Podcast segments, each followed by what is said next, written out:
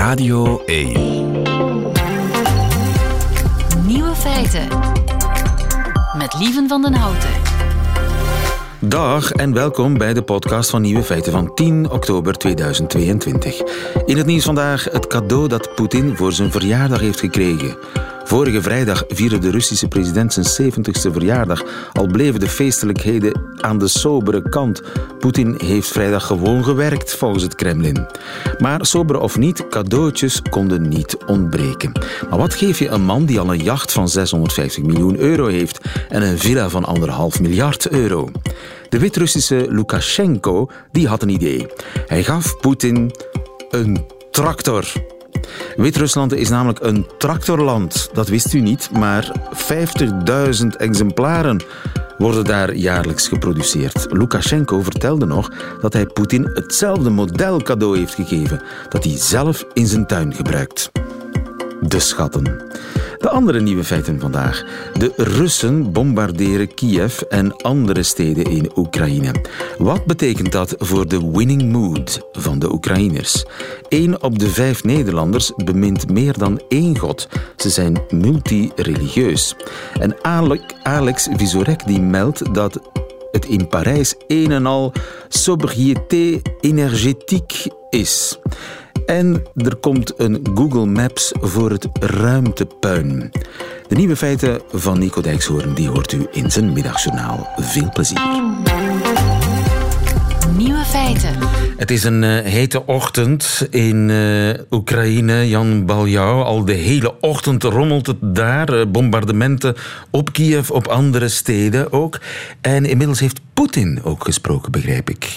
Ja, inderdaad. Hij heeft net uh, een korte toespraak gehouden op televisie die we gekregen hebben, waarin hij wel inderdaad bevestigt dat deze massale aanvallen vanochtend op uh, ja, inderdaad verschillende Oekraïnse steden, dat die een uh, antwoord waren op de aanslag op de Krimbrug hè, van aanstaande zaterdag. Hij zei dat Oekraïne daarachter zat, dat Oekraïne terreurdaden heeft, terreuraanslagen heeft gepleegd. Niet alleen trouwens op de Krimbrug, maar hij zei ook dat Oekraïne zou gepoogd hebben om een pijpleiding naar Turkije, een gaspijpleiding naar Turkije, op te blazen. En Poetin zei dat uh, het antwoord van Rusland hard zal zijn uh, en dat iedere dergelijke aanval, uh, terreuraanval op Rusland, hard zal beantwoord worden door Rusland. Ja, hij spreekt plotseling van terreur, wat ik, wat ik vreemd vind, want ja, er is een oorlog bezig. Dan kun je moeilijk zeggen, de daden van de tegenpartij is terreur. En wat ik doe is een speciale militaire operatie. Dat is heel bizar, toch? Ja, het is natuurlijk, men probeert de vijand in een slecht daglicht te stellen natuurlijk. Oekraïne spreekt ook over Russische terreurdaden. Uh, het gaat natuurlijk over een oorlog. Um, de manier waarop het gebeurt, waarop die aanslag gebeurd is op die Krimbrug, dat doet natuurlijk denken aan een terreuraanslag. Hè. Dus je stopt een, een, eh, vrachtwagen vol met explosieven en je laat die ontploffen op het moment dat, uh, dat die uh, vrachtwagen op die Krimbrug rijdt. Was dat dan eigenlijk een soort zelfmoordaanslag? Dat of? weten we nog niet. Het zou kunnen dat die explosieven ook van op afstand zijn ontstoken. Hè. Bijvoorbeeld met een mobiele telefoon lukt dat.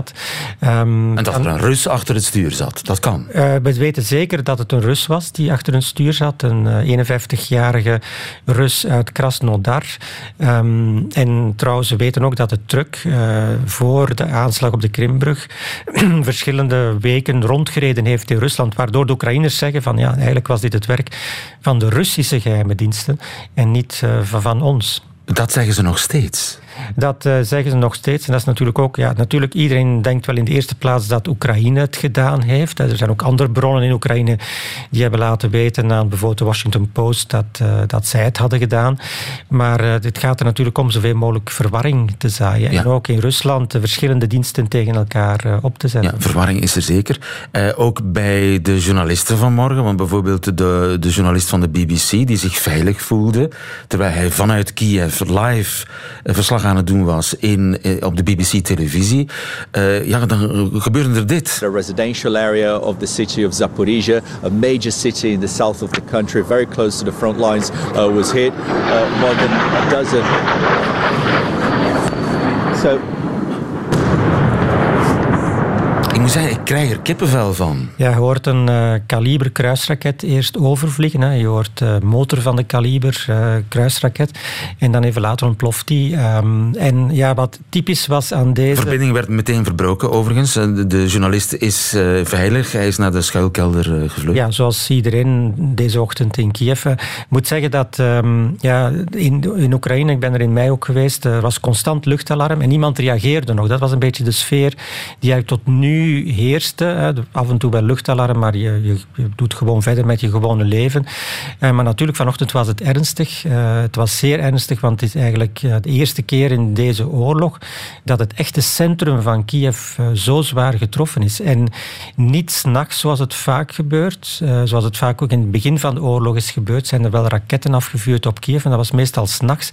Nu gebeurde het in volle ochtendspits, dus het was ook druk in Kiev en er zijn ook kruispunten geraakt waar heel veel uh, verkeer was. En vandaar ook denk ik dat er nogal wat slachtoffers zullen gevallen worden. Nu wordt nu gesproken over acht doden, maar ik denk dat het aantal slachtoffers uh, jammer genoeg nog zal oplopen. Dus de bedoeling was echt om angst aan te jagen, om dat valse gevoel van veiligheid weg te nemen? Ja, angst, paniek te zaaien, uh, het, het, vertrouwen te ondermijnen uh, van de Oekraïners in de uiteindelijke overwinning. president Zelensky heeft gezegd van ja, misschien kunnen die raketten wel de, de, de stroomvoorziening en de warmwatervoorziening onderbreken, maar zullen ze niet zorgen voor een onderbreking van ons vertrouwen in de overwinning. Hij heeft trouwens uh, dat gezegd in een video die hij buiten aan het presidentieel paleis heeft opgenomen om te tonen dat alles ja. uh, oké okay is met hem. Hebben wij enig idee van waar die kruisraketten zijn afgevuurd? Uh, vanuit de Zwarte Zee, van op, uh, ja, van, van op land in Rusland. Ja, dus vanuit Rusland kunnen zij gewoon moeiteloos ja. doelwitten in Kiev treffen. rare vraag misschien, maar hadden ze, waarom hebben ze dat niet eerder gedaan? Wel, dat is ook wat heel veel van de, de militaire bloggers uh, Rusland verwijten. Hè, dat Rusland oorlog voert met uh, de handschoenen aan. Uh, en dit is de handschoenen uit. En dit is een stukje de handschoenen uit. Het valt mij wel op dat inderdaad vooral nu ja, kritische energieinfrastructuur is geraakt. In verschillende steden is de stroom uitgevallen. Zijn er ook beelden van, het, van elektriciteitscentrales die geraakt worden. Maar bijvoorbeeld um, een, aantal... Kiev ligt aan de Dnieper. En er zijn een aantal grote bruggen. En die zijn intact, die zijn niet beschoten. Dus je zou verwachten dat als Oekraïne achter de aanslag zat op de brug naar de Krim, dat Rusland nu zou terugslaan. En een brug bombarderen. En, en de bruggen van Kiev bombarderen. En zo precies kan dat met die kruisraketten? Zo precies kan dat. Het is wel zo dat uh, ja, Rusland heeft al heel veel van die kruisraketten uh, gebruikt. En het, uh, ja, de voorraad is niet zo groot meer. Er wordt nu gesproken over 83 raketten die afgevuurd zijn, waarvan er overigens meer dan 40 zijn neergehaald. Dus het is maar de vraag in hoeverre Rusland dit zou kunnen volhouden. Hè. Dit is nu een massale aanval geweest, maar ik denk niet dat dit dagen aan een stuk uh, zal duren, omdat dan ja, de voorraad van, van dat soort uh, precisiewapens, die overigens ook niet heel precies zijn, uh, als het gaat ja. over Russische kruisraketten, hoe lang dat nog zal, zal aanslepen. Ja, dus volgende stap in de escalatie zien we nu. Ja, het is duidelijk dat uh, die aanslag op die Krimbrug ja, toch wel een soort vernedering was uh, voor Rusland, maar ook zeker voor Poetin, omdat hij heel veel belang hechtte aan die brug uh, naar de Krim. Hè. Dat ja. was een beetje het Is die overigens, want ze beweren nu dat ze hersteld is. Uh, moeten we dat geloven? Uh, ze is niet helemaal vernietigd. Hè. Er is één rijrichting die nu open is. Dus er zijn twee rijrichtingen. één richting Krim, één richting Rusland. De rijrichting richting Rusland is nu volledig open met twee rijstroken. Dus men kan in beide richtingen... En de Russen vluchten massaal? Uh, er zijn uh, heel veel files ja, richting uh, Rusland. want natuurlijk, de capaciteit is flink verminderd van die brug. Vrachtverkeer mag er niet over, bussen mogen niet over. die moeten allemaal terug via een veer. dat ja. veer ja, dat is afhankelijk van de weersomstandigheden. En heel veel inwoners van de Krim kiezen duidelijk het zeker voor het onzeker en proberen weg te trekken. Want ja. er staan kilometerslange files voor dat veer en ook voor de brug. Ja, dus het is eigenlijk zo'n psychologische oorlogvoering op dit moment ook uiteraard. En de winning mood waar die Oekraïners in zaten, zeker na die aanslag op die brug.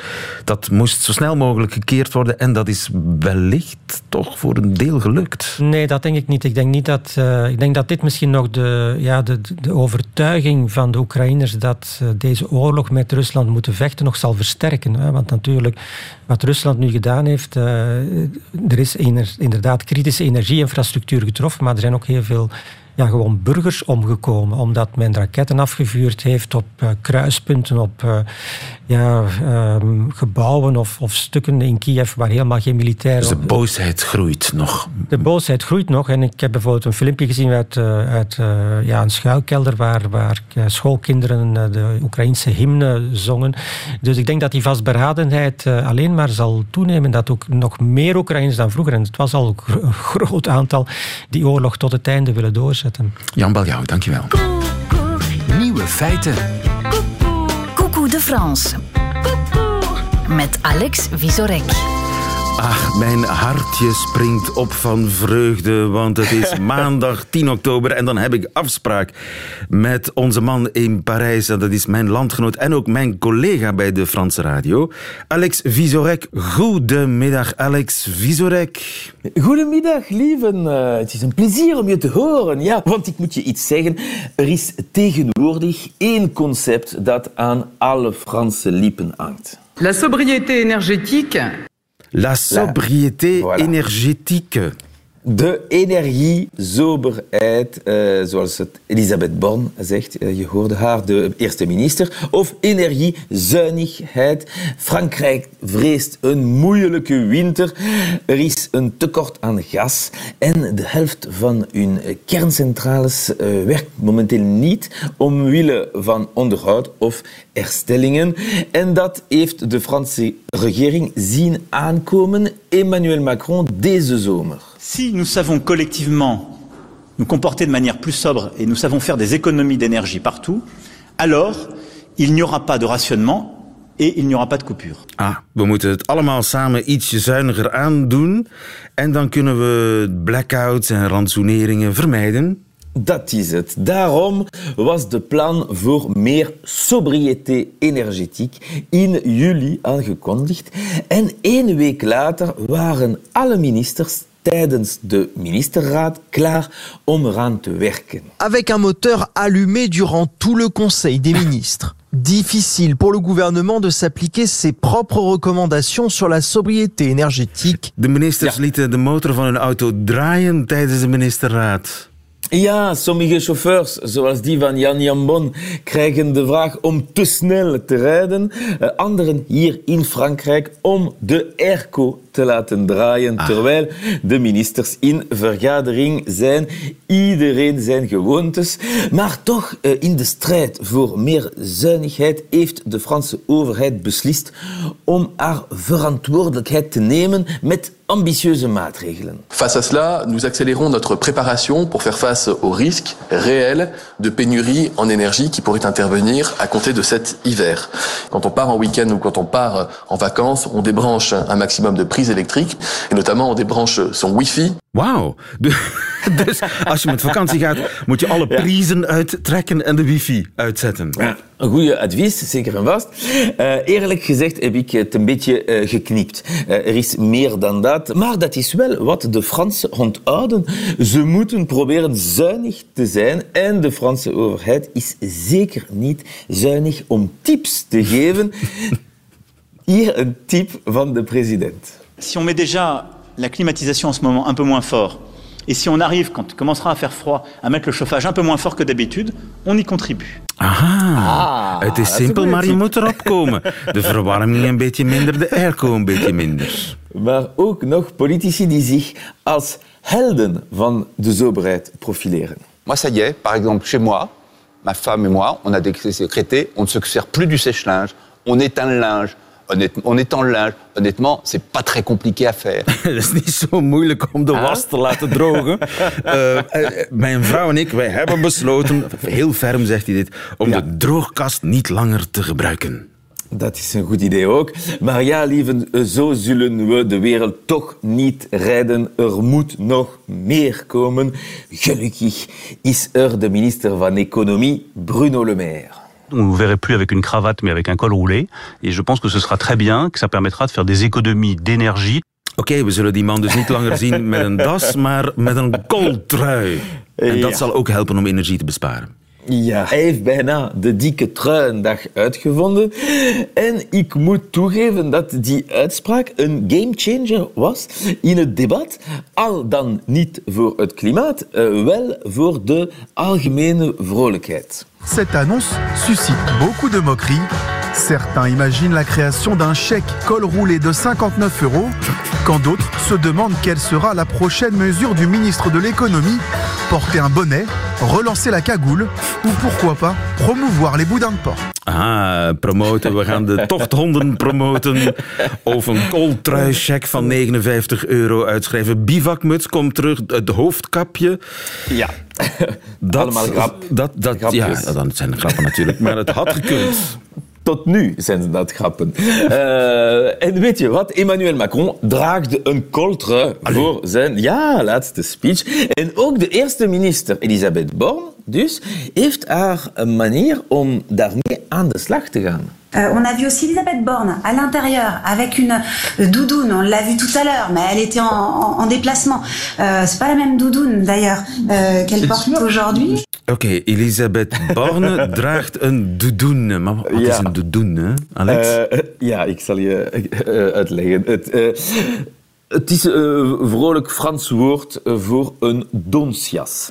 Is dat begrijpbaar? Zo'n Michelin, Michelin-mannetje. Zo. Ja, dat is het. Bij elke verplaatsing draagt ze nu een eh, donsjas. Buiten als het 19 graden is, maar ook binnen houdt ze haar doudoune aan. Je kan het nieuwe motto van de meerderheid raden. Denken, durven, doudoune. dus er wordt duidelijk op non-verbale communicatie ingezet, maar de oppositie heeft woorden daarvoor. Où on est Bah, c'est des conseils concrets, euh, donnés aux- Plaisanter, c'est de la communication à deux balles. C'est devenu ça la politique. La septième puissance mondiale, les principaux ministres viennent à la télévision pour vous dire comment vous devez vous habiller.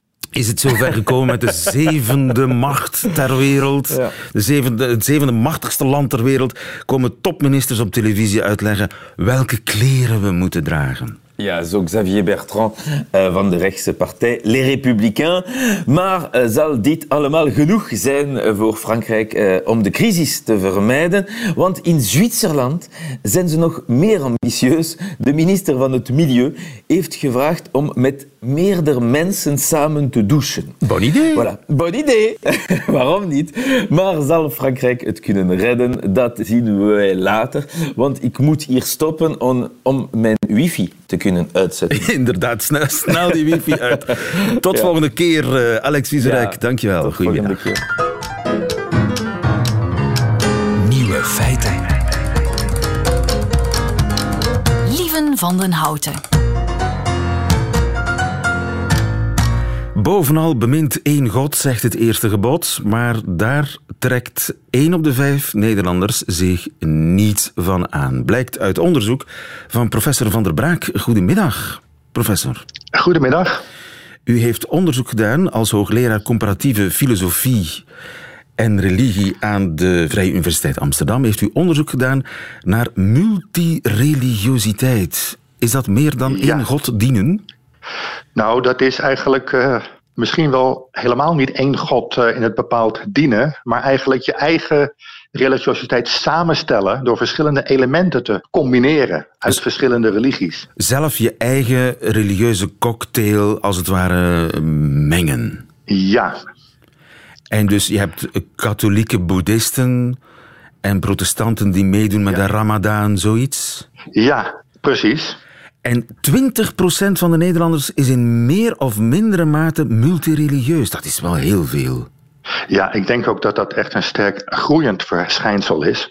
Kijk, vroeger waren de mensen gewoon simpel religieus. Je had een bepaalde religie. En soms zeggen mensen wel eens dat, dat, dat minder en minder wordt, alsof religie aan het uitsterven is. Maar dat geloven wij niet aan de VU.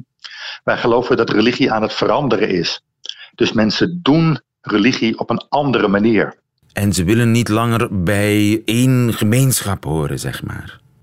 Nee, ze willen graag bij meerdere gemeenschappen horen, maar ze houden vooral niet meer van dogma's. Van bepaalde leerstellingen waarin ze moeten geloven, of dat nu is van de pastoor of van een andere autoriteit. Ze willen eigenlijk steeds meer hun eigen autoriteit worden. Ja, en dat is uh, uitgerekend in Nederland wel heel bijzonder, want Nederland is toch het land van de religieuze scherpslijperijen, van de afsplitsingen en van de nieuw gereformeerden en de Nederduits hervormden. En, jeetje, en ruzies over, over onderdogma's van onderdogma's. Precies, dat is inderdaad onze historie in Nederland. Maar je ziet steeds meer dat mensen daar hoe langer hoe minder behoefte aan hebben. Dus het gaat er niet zozeer meer om waar ze in geloven, maar ze zijn aan, op zoek naar transformerende praktijken. Ze doen bijvoorbeeld aan mindfulness, ze doen aan yoga, ze doen aan uh, uh, religieuze dans bijvoorbeeld. Ze doen allerlei praktijken waarbij ze voelen dat dat hun helpt op hun zoektocht naar het religieuze. Ja, en die tien geboden, ach, ja, daar pik ik er wel uh, die geboden uit die bij mij passen. Ja, dat, daar komt het in feite op neer. Dat mensen inderdaad daar zelf uh, keuzes in maken. En ook kijken wat werkt en wat werkt niet. Ja, en zijn alle Nederlanders even multireligieus of, of zie je daar een verschil? Nee, nee, nee, zeker niet. Zeker niet. Dus het is zeker niet zo dat er geen uh, monoreligieuzen meer over zijn in Nederland. Ik denk dat nog steeds heel veel Nederlanders wel degelijk monoreligieus zijn. Maar je ziet vooral uh, ook bij de jongere generatie, daar zie je toch wel een soort. Uh, niet meer zo'n behoefte om zich te committeren aan één bepaald dogma. Ja. Of één bepaald geloof of één bepaalde overtuiging. Ja, en geloof is dan meer een kwestie van doen dan van denken. Van doen dan van denken. En, meer en wij vinden dat dus wel. De praktijk en minder de leerstellingen. Ja, meer de praktijk en minder de leerstellingen. Maar we vinden dat heel interessant, omdat het verhaal is altijd dat aan Nederland dat seculariseert. Mensen worden steeds meer seculier en daarmee wordt gesuggereerd dat mensen niet meer religieus zijn. Maar dat zijn ze dus nog wel. En dat betekent misschien ook dat als ik verder denk, al die religieuze gebouwen die leger en leger komen te staan, zeker in Vlaanderen is dat zo. Ja, zit daar geen supermarkten in te zetten of geen uh, verkoop dat niet aan vastgoedmensen, maar misschien moet daar dan een soort multireligieuze plaats worden gecreëerd. Ja, daar zou ik het helemaal mee eens zijn. Oké, okay, dus we moeten, we, moeten daar, we, van, ja. ja. we moeten daar ook niet alleen de, de religies moeten daar op inspelen, maar ook de samenleving in zijn geheel misschien. Ja, dat klopt. Het gaat toch steeds meer om zingeving. Mensen hebben behoefte aan een verhaal om hun leven mee te kunnen sturen. En uh, dat kan zijn een van de grote wereldreligies. Maar dat kan ook heel goed zijn een nieuwe religieuze stroming. Of zelfs het humanisme. Ja. Hè, of, of andere ja, meer seculiere overtuigingen. Dat maakt eigenlijk niet zoveel uit. Ja, maar dat betekent het gaat ook, om de ontmoeting en de dialoog. Dat betekent toch ook dat er een soort basiskern moet zijn dat alle religies uh, verbindt? Ja, de vraag is of die basiskern er is. Ja, ach, uh, doe, niet aan een ander wat gij aan uzelf niet wilt uh, gedaan krijgen, zoiets? Ja, dat, dat zou een, uh, een soort ethiek kunnen zijn, hè? een soort basismoraal, hè? waar de, de, de meeste religies zich ook, wel, zich ook wel in kunnen vinden. En het andere is natuurlijk het woord. Het woord religie komt volgens sommigen van het Latijnse religare. En dat betekent je opnieuw verbinden. Dus je kunt ook zeggen, het verlangen, het religieuze verlangen is een verlangen naar verbinding.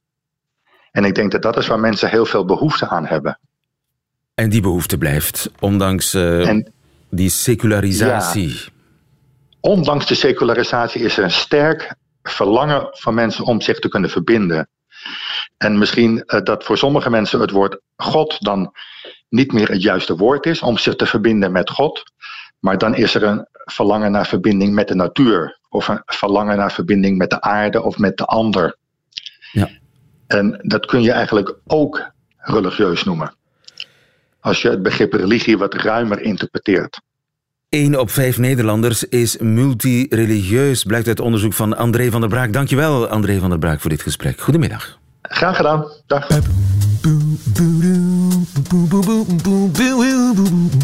Radio 1.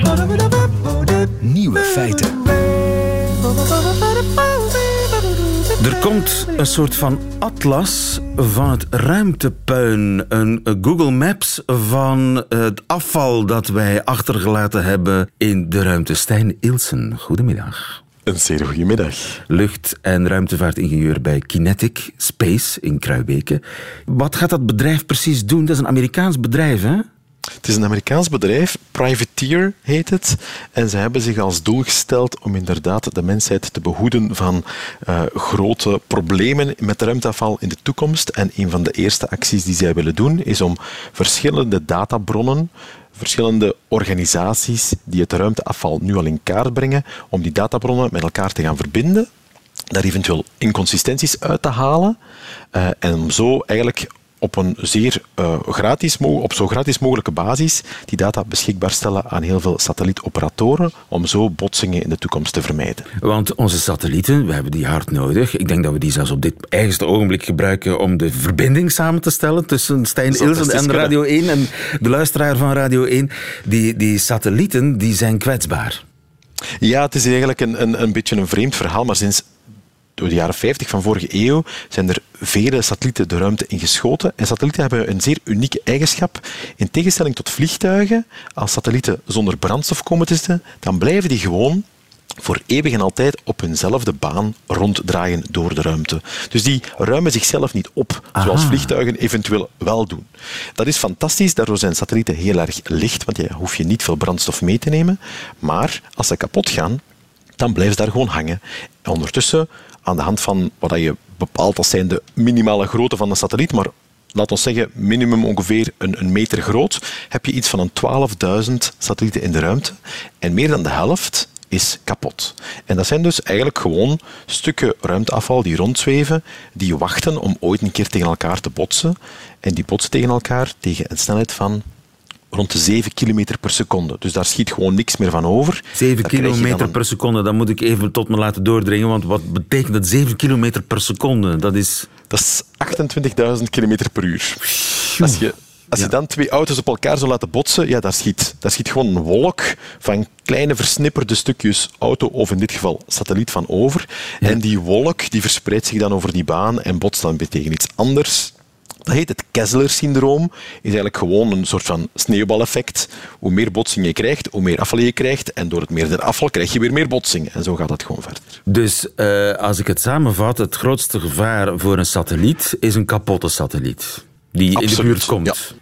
Ja, ja, vooral stukjes. Hey, zelfs een klein mini-vijsje dat loskomt van een andere satelliet, als dat tegen 28.000 km per uur tegen uw zonnepaneel vliegt, dan is daar gewoon een gat in. Dus dan moet je, en je kan u daar heel moeilijk in de ruimtevaart voor beschermen, want we moeten alles zo licht mogelijk maken. Dus je kan daar geen panzer van lood of kevlar of weet ik veel wat rondmaken. Dat bestaat gewoon niet. Dat kan niet. Dus moeten we ervoor zorgen, als mensheid in het algemeen, om ons ruimteafval in de toekomst beter op te ruimen. Daar wordt wetgeving voor gemaakt, maar vooral ook botsingen proberen te vermijden.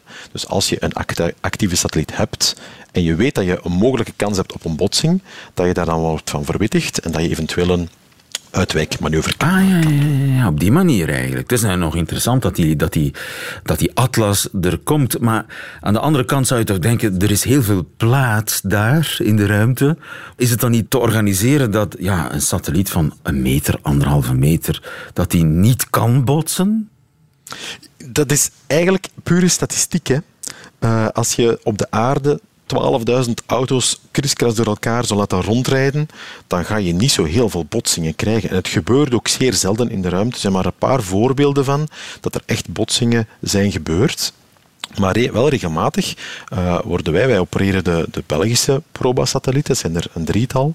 Uh, wij krijgen regelmatig berichten, een aantal keren per jaar, dat we een kans hebben dat er een botsing met onze satelliet zal plaatsvinden. En dat is dan een kans van kleiner dan 1 op de 10.000 wordt vaak als, uh, als criteria gebruikt. En dan wordt er gevraagd, kunnen jullie opzij gaan? Nu, onze Belgische satellieten voorlopig kunnen dat niet. We hebben, de, we hebben die, die mogelijkheid niet, we hebben geen brandstof. Maar dan wordt er vaak aan het ander stuk ruimte uh, satelliet gevraagd, kunnen jullie op, op, opzij gaan? Maar natuurlijk, hoe meer kapotte satellieten er zijn, hoe meer dat je soms twee situaties krijgt, of één situatie krijgt met twee kapotte satellieten en kan geen een van de twee opzij gaan. Oei, en dan heb je kansberekening. En dan heb je botsing natuurlijk. En er komen alsmaar meer afgedankte satellieten bij, neem ik aan. Dat, dat, dus we moeten eigenlijk een plan hebben om die, er, om die eruit te halen, om die weg te halen. Ah, wel, er worden inderdaad plannen gesmeed. Het eerste is vooral dat er wordt voor gezorgd dat er geen afval bij komt. Dus nieuwe satellieten moeten binnen de 25 jaar na het einde van hun operationeel leven terugkeren. Dat betekent dat die een soort van zonnezeilen moeten eh, ont- ontplooien, waardoor ze sneller terug naar de aarde komen, of ze moeten hun motor eventjes aanzetten. In de toekomst wordt dat ook van 25 jaar aangepast naar 5 jaar. En zo krijg je eigenlijk een soort van zelfreinigend effect. Ja. Eh, een tweede is eventueel oude grote stukken te gaan halen. Maar om die te gaan halen moet je een andere satelliet bouwen. Die moet dan naar één stuk ruimteafval naartoe vliegen, dat op een of andere manier vastgrijpen. Je hebt daar testen met een net, met een harpoen, zelfs eentje met een soort van plakkerige stok om die kapotte satelliet te gaan, te gaan vastgrijpen. En dan moet je eigenlijk je vuilniswagen en je vuilnissatelliet afremmen om dan die oude satelliet mee te nemen. Maar die verbranden dan beide tijdens de terugkeer in de atmosfeer. Dus je bent ook jouw vuilniswagen kwijt. Dus je kan eigenlijk... eh, het is een zeer inefficiënte manier van, eh, van afval gaan halen, want je moet telkens een nieuwe vuilniswagen, die best wel duur is, gaan ontwikkelen, gaan lanceren, gaan, gaan, gaan opereren om één stukje te gaan halen. Dus eigenlijk het opruimen is een, is een technologisch probleem waar momenteel heel veel kleine testen voor worden gedaan, maar eigenlijk niet direct een, een, een commercieel haalbare oplossing voor is. Ja, maar er wordt aan gewerkt en er wordt eh, duchtig over nagedacht. Stijn Ilsen, dankjewel. Goedemiddag. Graag gedaan. En dat waren ze meteen de nieuwe feiten van 10 oktober 2022. Alleen nog die van Nico Dijkshoorn, die krijgt u nu in zijn middagjournaal. Nieuwe feiten. Middagjournaal. Beste luisteraars. Twee maanden geleden werden er twee vullingen vervangen in mijn ondergebit. En sindsdien kan ik alleen nog maar eten als een doodsbang knaagdier. Letterlijk. Tanja kijkt naar mij als ik met mijn handen kleine stukjes aardappel in mijn wang duw en iedere keer moet ze schateren van het lachen. Volgens Tanja lijk ik sinds het tandartsbezoek op Benny. En ik begrijp meteen wat ze bedoelt. Benny was ooit een cavia en hij was in het bezit van Peter. Dat was een goede vriend van ons. Als Tanja en ik bij Peter langs gingen, dan keek Benny ons de hele avond aan en ondertussen vulde hij zijn wangen voor een winter die er in zijn goed verwarmde hok nooit zou komen. En zo eet ik nu ook. Niet omdat het me voldoening geeft, maar omdat ik anders doodga. Ik voel nu pas wat de dieren voelen. Er is geen leeuw op aarde die denkt: Weet je wat, vandaag heb ik geen zin in zebra. Laat ik eens een keer lekker een witte reiger eten. Dieren die vreten gewoon om niet dood te gaan. En luisteraars, zo at ik nooit. Ik at, tot twee maanden geleden, omdat het me zielsgelukkig maakte. Ik ben iemand die tijdens feestjes eindeloos kan vertellen over dat ene restaurantje onderaan een Spaanse berg, waar een doofstomme kok ons schreeuwend en loeiend iedere avond een gerecht voor ons neus zette, waar ik nu even de naam van kwijt ben, maar het klonk als cacciente of zoiets, en dat ik dat gerecht daarna ademloos ophad, met een goed functionerende kaak. Luisteraars, nu is dus opeens alles anders. Ik drink al twee maanden fruitsapjes en smoothies. En ik kijk stik jaloers naar mensen die hun mond wijd openen en daarna op een hamburger aanvallen. En er is nog iets. Ik vind het zo jammer dat niemand mij ziet lijden. Het zou zo fijn zijn geweest als mijn kinderen nog klein waren geweest. En dat die mij dan thuis hadden getroost tijdens het eten. Ik zou het dan, denk ik, zelfs een beetje hebben overdreven. Heel hard kreunen tijdens het eten. En dan wachten op hun troostende woorden. En daarom zoek ik het vandaag bij u luisteraars. Ik hoor u natuurlijk niet. Maar het zou enorm schelen als u, wanneer u de zangeres die nu achter mij aan het zingen is, als die stopt, dat u dan even hardop zegt: Het komt goed, Nico. Ooit zal jij weer eten en genieten. Luisteraars, dank u wel.